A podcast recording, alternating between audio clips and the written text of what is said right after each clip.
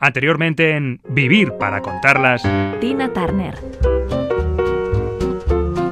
Si bien en lo profesional se convirtieron en uno de los dúos más célebres de los 60 y de los 70, la vida en el hogar con este violento, controlador y cocainómano Ike se convirtió en un verdadero infierno para Tina.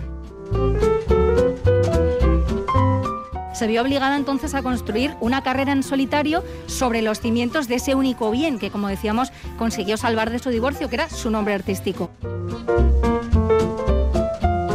esa mujer que se había enfrentado completamente sola a una reticente industria musical contaba ahora con el favor y la colaboración de grandes referentes del sector como Mark Knopfler, Rod Stewart, Eric Clapton, Mick Jagger, Elton John, David Bowie o Brian Adams.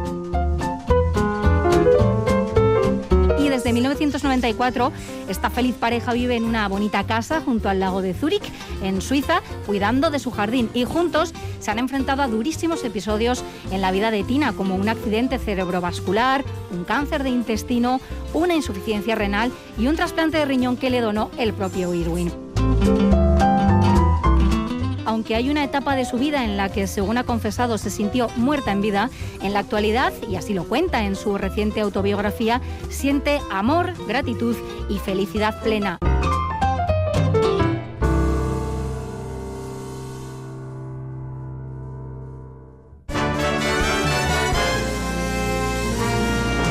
Mujeres que han hecho historia, aunque no siempre hayan pasado a la historia algunas hoy célebres, otras aún por descubrir. Algunas heroínas, otras villanas, todas singulares. Es tiempo de hacer visible lo invisible. Es tiempo de vivir para contarlas.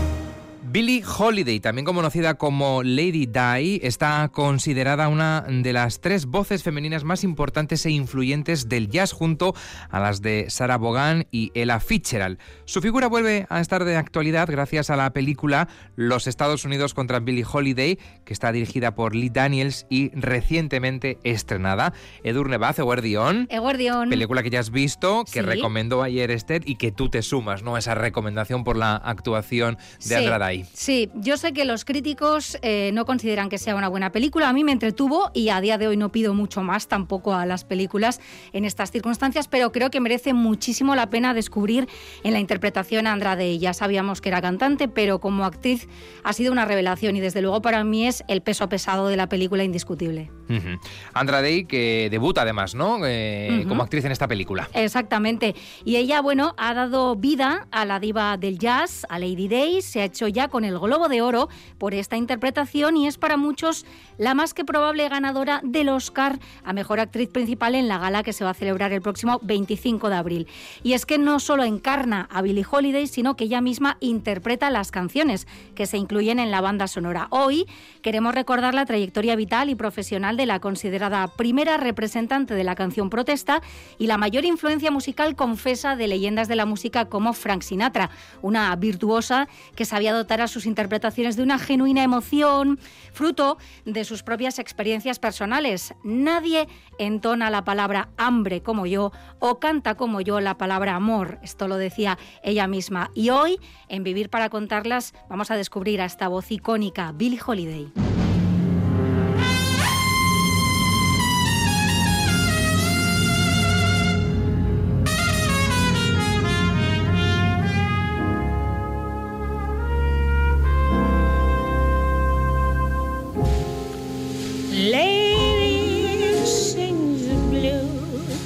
Es Leonora Fagan, nació en Filadelfia el 7 de abril de 1915, aunque creció en Fells Point, un barrio de Baltimore.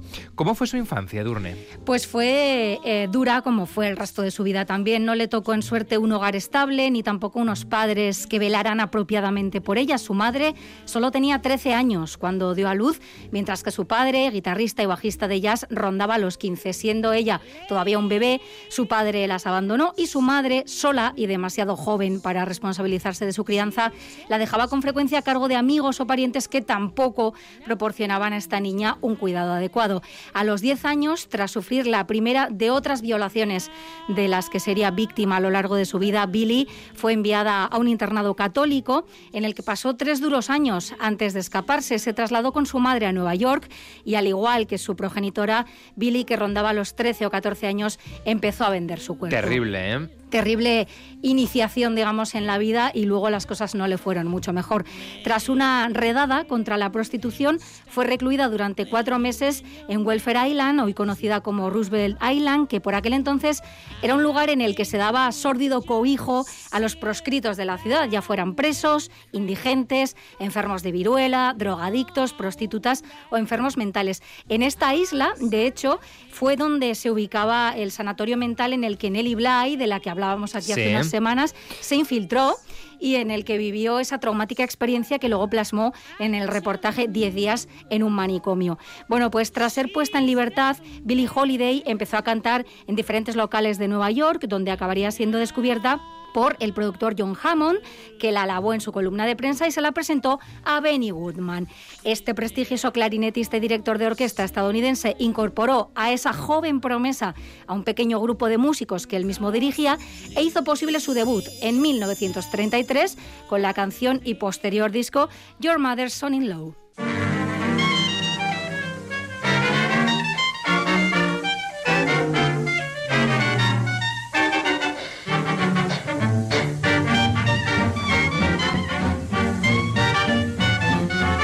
Durante los siguientes años, eh, Billie Holiday dio forma a sus primeras grabaciones, ¿no? Con importantes sellos musicales y con algunas de las mayores leyendas del jazz. Estamos hablando de Ben Webster, de Roy Eldridge, Jonan Jones, Johnny Hodge o el ya citado eh, Benny Gottman. Eh, ¿Cómo fueron esos primeros años de su carrera musical?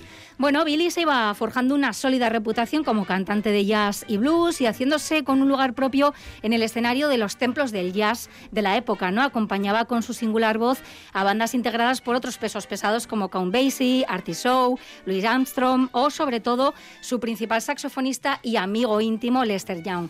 Pero a pesar de haber alcanzado el estrellato, Billy Holiday se topaba una y otra vez con un muro que también les resultaría tristemente familiar a otras estrellas afroamericanas de aquellos duros años. El racismo y la segregación. Recordemos también eh, cuando hablábamos de Josephine Baker y cómo sufrió también por esto, ¿no?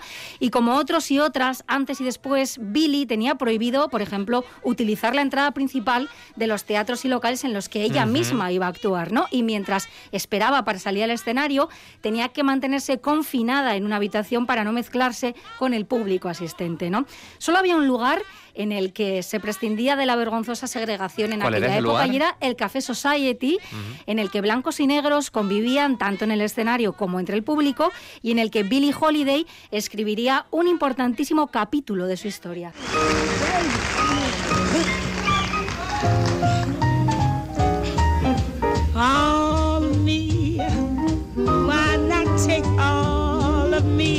Son numerosos ¿eh? los temas eh, por los que recordamos a Billie Holiday y entre todos esos eh, temas musicales que interpretó, hubo uno que no solo marcó un antes y después en su vida y en su carrera profesional, sino que se convirtió en un verdadero e incómodo alegato contra el racismo de Estados Unidos. ¿A qué tema nos estamos refiriendo? Estamos hablando de Strange Fruit. Esta canción hablaba en particular de la dolorosamente habitual práctica de los linchamientos a los que era sometida la población negra y de aquellos cuerpos que víctimas del odio colgaban de los árboles. En palabras del crítico musical Dorian Linsky, autor del libro 33 revoluciones por minuto, Historia de la canción protesta, la versión que Billie Holiday hizo de esta canción y que interpretó por primera vez en el Café Society una noche de 1939 fue la zona cero de la canción popular de protesta. No fue, nos cuenta este autor, la primera canción protesta, pero sí fue la primera que trasladó un mensaje político explícito al mundo del espectáculo, porque antes de eso las canciones protesta estadounidenses eran ajenas a la música popular convencional y para encontrar un buen caudal de canciones protesta negras había que ir al sur y recoger los lamentos de los cantantes de blues y folk que jamás habían pisado un estudio de grabación. Este fue el cambio, ¿no? Entrar, digamos, en el circuito comercial, por así decirlo. Y aquel día, como cada día en el que Lady Day interpretó esa desgarradora canción a lo largo de su vida, la sala enmudeció.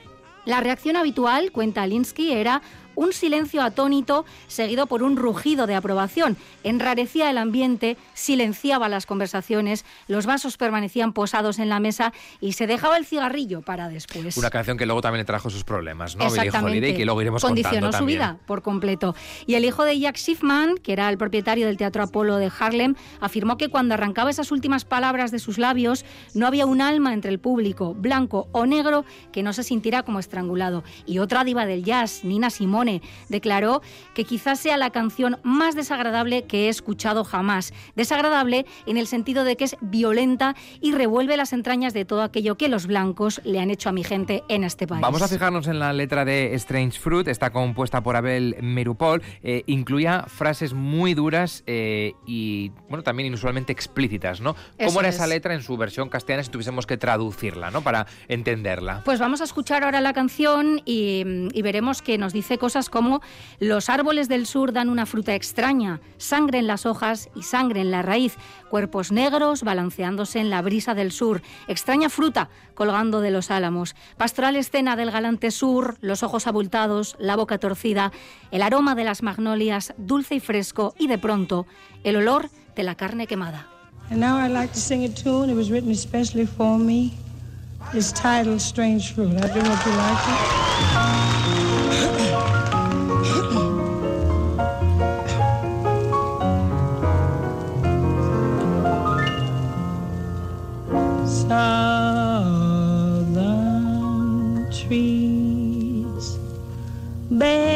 strange fruit, blood on the leaves, and blood at the root. Black bodies swinging in the sun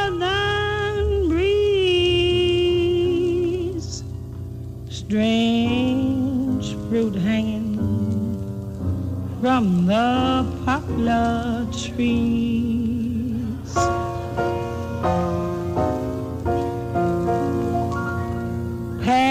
Pastoral scene of the gallant South, the bulging eyes and the twisted mouth, scent of magnolia, sweet and fresh. Then the sudden smell of burning flesh. Here is a fruit for the crows to pluck, for the rain to gather, for the wind to suck, for the sun to. Bueno, gracias por esa traducción de la, de la letra para que entendamos ¿no? lo que significaba la dureza y lo que estaba eh, describiendo ¿no? en, esa, en esa letra. Eh, el impacto de esta canción fue de tal magnitud que el gobierno de Estados Unidos inició una persecución sin tregua de la canción, es lo que narra la película Los Estados Unidos contra Billie Holiday, y también ¿no? no iban solamente contra esta canción, sino que iban contra la propia Billie Holiday. Claro, el gobierno de Estados Unidos consideraba esta canción una provocación, una potencial llamada a la movilización y a los disturbios, y por lo tanto una amenaza para el orden establecido. Intentaron por todos los medios que dejara de cantarla, incluso sacándola a la fuerza del escenario de algún local. Esto por lo menos sí se recoge en la película, pero se prohibió que sonara en la radio y justamente por eso se convirtió en un símbolo, dado que Billie Holiday con su profundo sentimiento y su abrasador desgarro se negaba a dejar de cantarla, pusieron en marcha una bochornosa operación de acoso y derribo contra ella, valiéndose de una supuesta persecución del consumo ilegal de narcóticos. Lady Day tenía en efecto un problema de adicción a las drogas del que se valieron las autoridades empeñadas en apagar su voz. La Oficina Federal de Narcóticos, con el agente Harry Anslinger al frente, no dudó en incriminar a Billy colocando en sus bolsillos o en su camerino la heroína que luego fingían incautarle. Y esta hábil estrategia llevó a Lady Day a pasar ocho meses en prisión de entrada, luego estuvo más veces, y la persecución, que alcanzó un verdadero ensañamiento, ya no cesaría hasta su prematura muerte.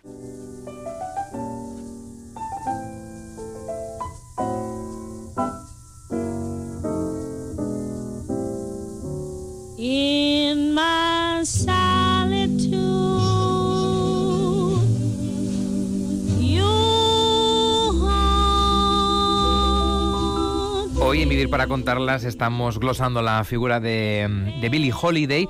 Siendo solo una adolescente, ya se había iniciado en el consumo de marihuana, pero años más tarde, o a principios de la década de los 40, se adentró en el aún más pantanoso y destructivo terreno de la heroína, ¿no? que junto a ese consumo excesivo de alcohol acabaría por destruirla. ¿no? Claro, con esa vida tan complicada que, tuvo desde su infancia, era muy difícil ¿no? Eh, no buscar consuelo o buscar en, en, bueno, pues, en la droga o en el alcohol, bueno, pues eh, respuestas o, consuelo, ¿no? Apagar, aunque sea temporalmente, el dolor, ¿no? Y la angustia. Pero bueno, efectivamente, quizá buscando un engañoso y temporal consuelo para ese dolor y esa angustia causados por su temprano contacto con el abandono, la vida en las calles, los malos tratos, la soledad, como le escuchamos cantar en esta canción, la obsesiva persecución policial y el desolador racismo, pues desarrolló un problema de adicción de cuyas garras en efecto nunca pudo escapar. No ayudaron tampoco la mayoría de los hombres con los que compartió su vida, violentos, abusivos e interesados solo en la y más rentable cuyas ganancias esquilmaban, incluidos sus maridos,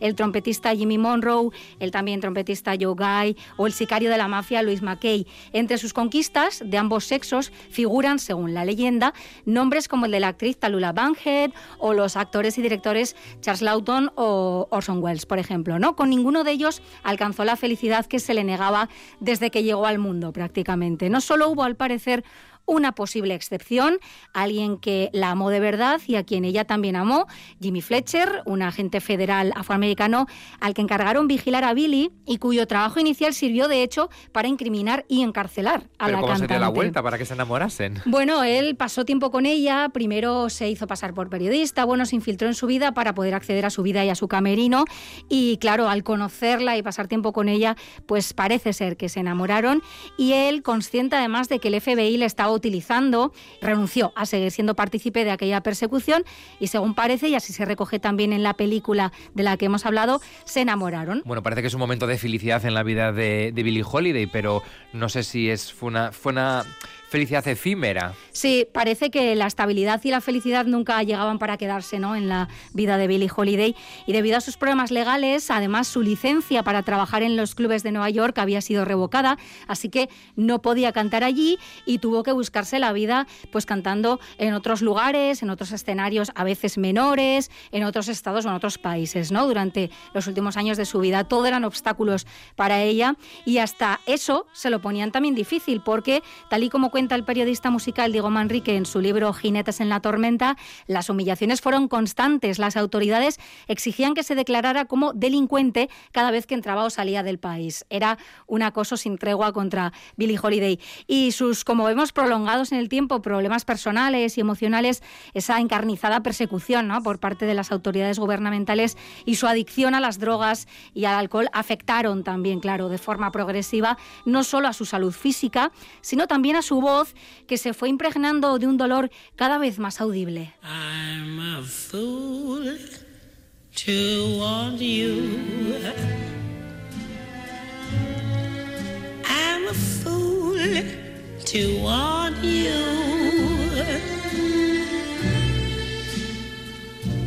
To want.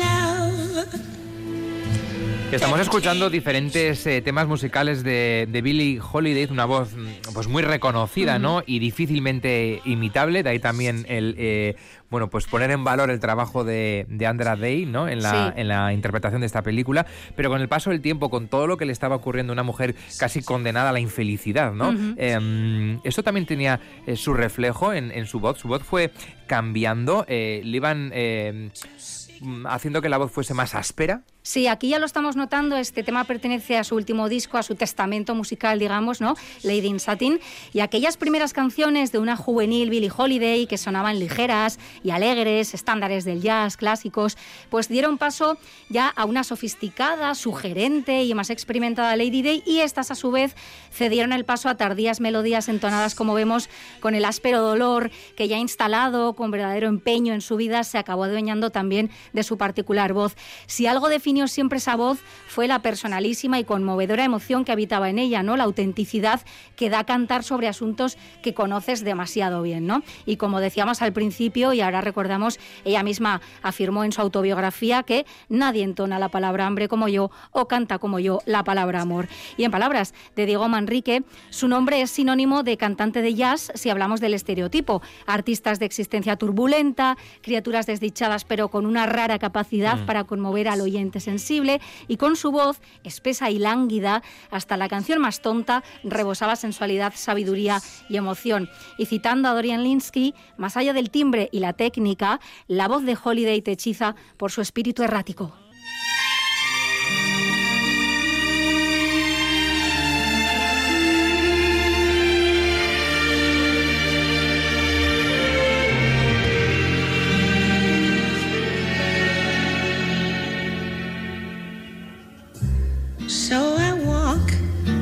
Little too fast.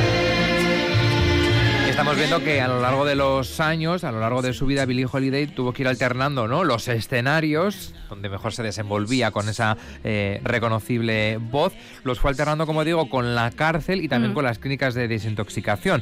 En cualquier caso, Lady Day murió en Nueva York el 17 de julio de 1959, tenía 44 años. ¿Cómo fue su muerte? Bueno, muy prematura, por cierto. Sí, muy prematura y, y tampoco libre, igualmente dolorosa como su vida, ¿no? Porque a finales de mayo de ese mismo año había sido hospitalizada y ni siquiera entonces esta implacable persecución de la que hablamos cesó.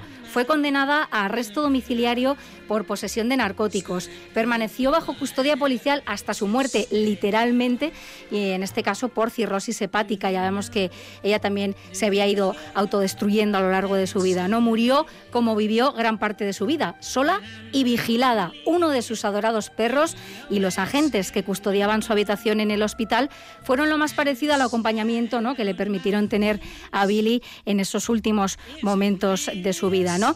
Murió esposada a la cama, así de dura es la imagen. Sí, así de dura es la imagen, terminar su vida como la había vivido, vigilada y esposada. ¿no?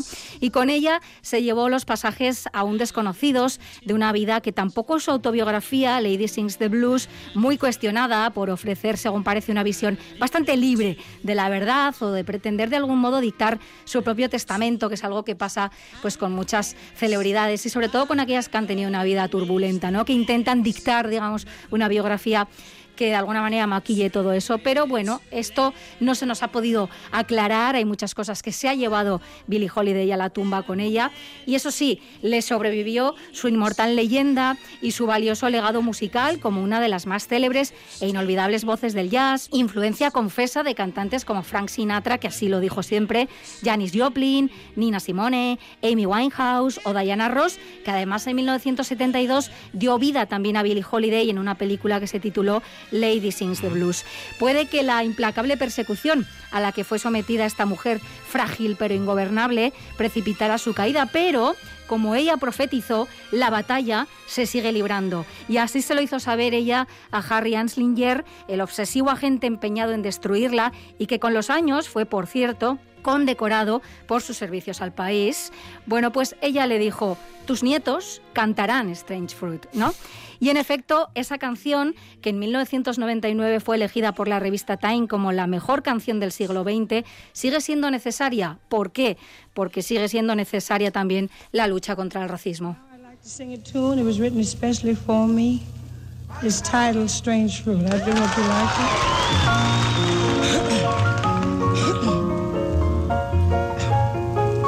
Hoy hemos querido descubrir o redescubrir, revisitar a Billie Holiday y nos vamos a quedar con este tema que marcó su vida y también la de Estados Unidos, ¿no? Por esa denuncia eh, de lo que sufrieron en, eh, en, muchos años, durante muchísimos años, la población negra y afroamericana, ¿no? De Estados Unidos con Strange Fruit.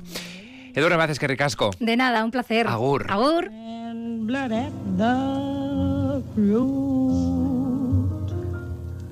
Black bodies swinging in the southern breeze. Strange fruit hanging from the poplar trees.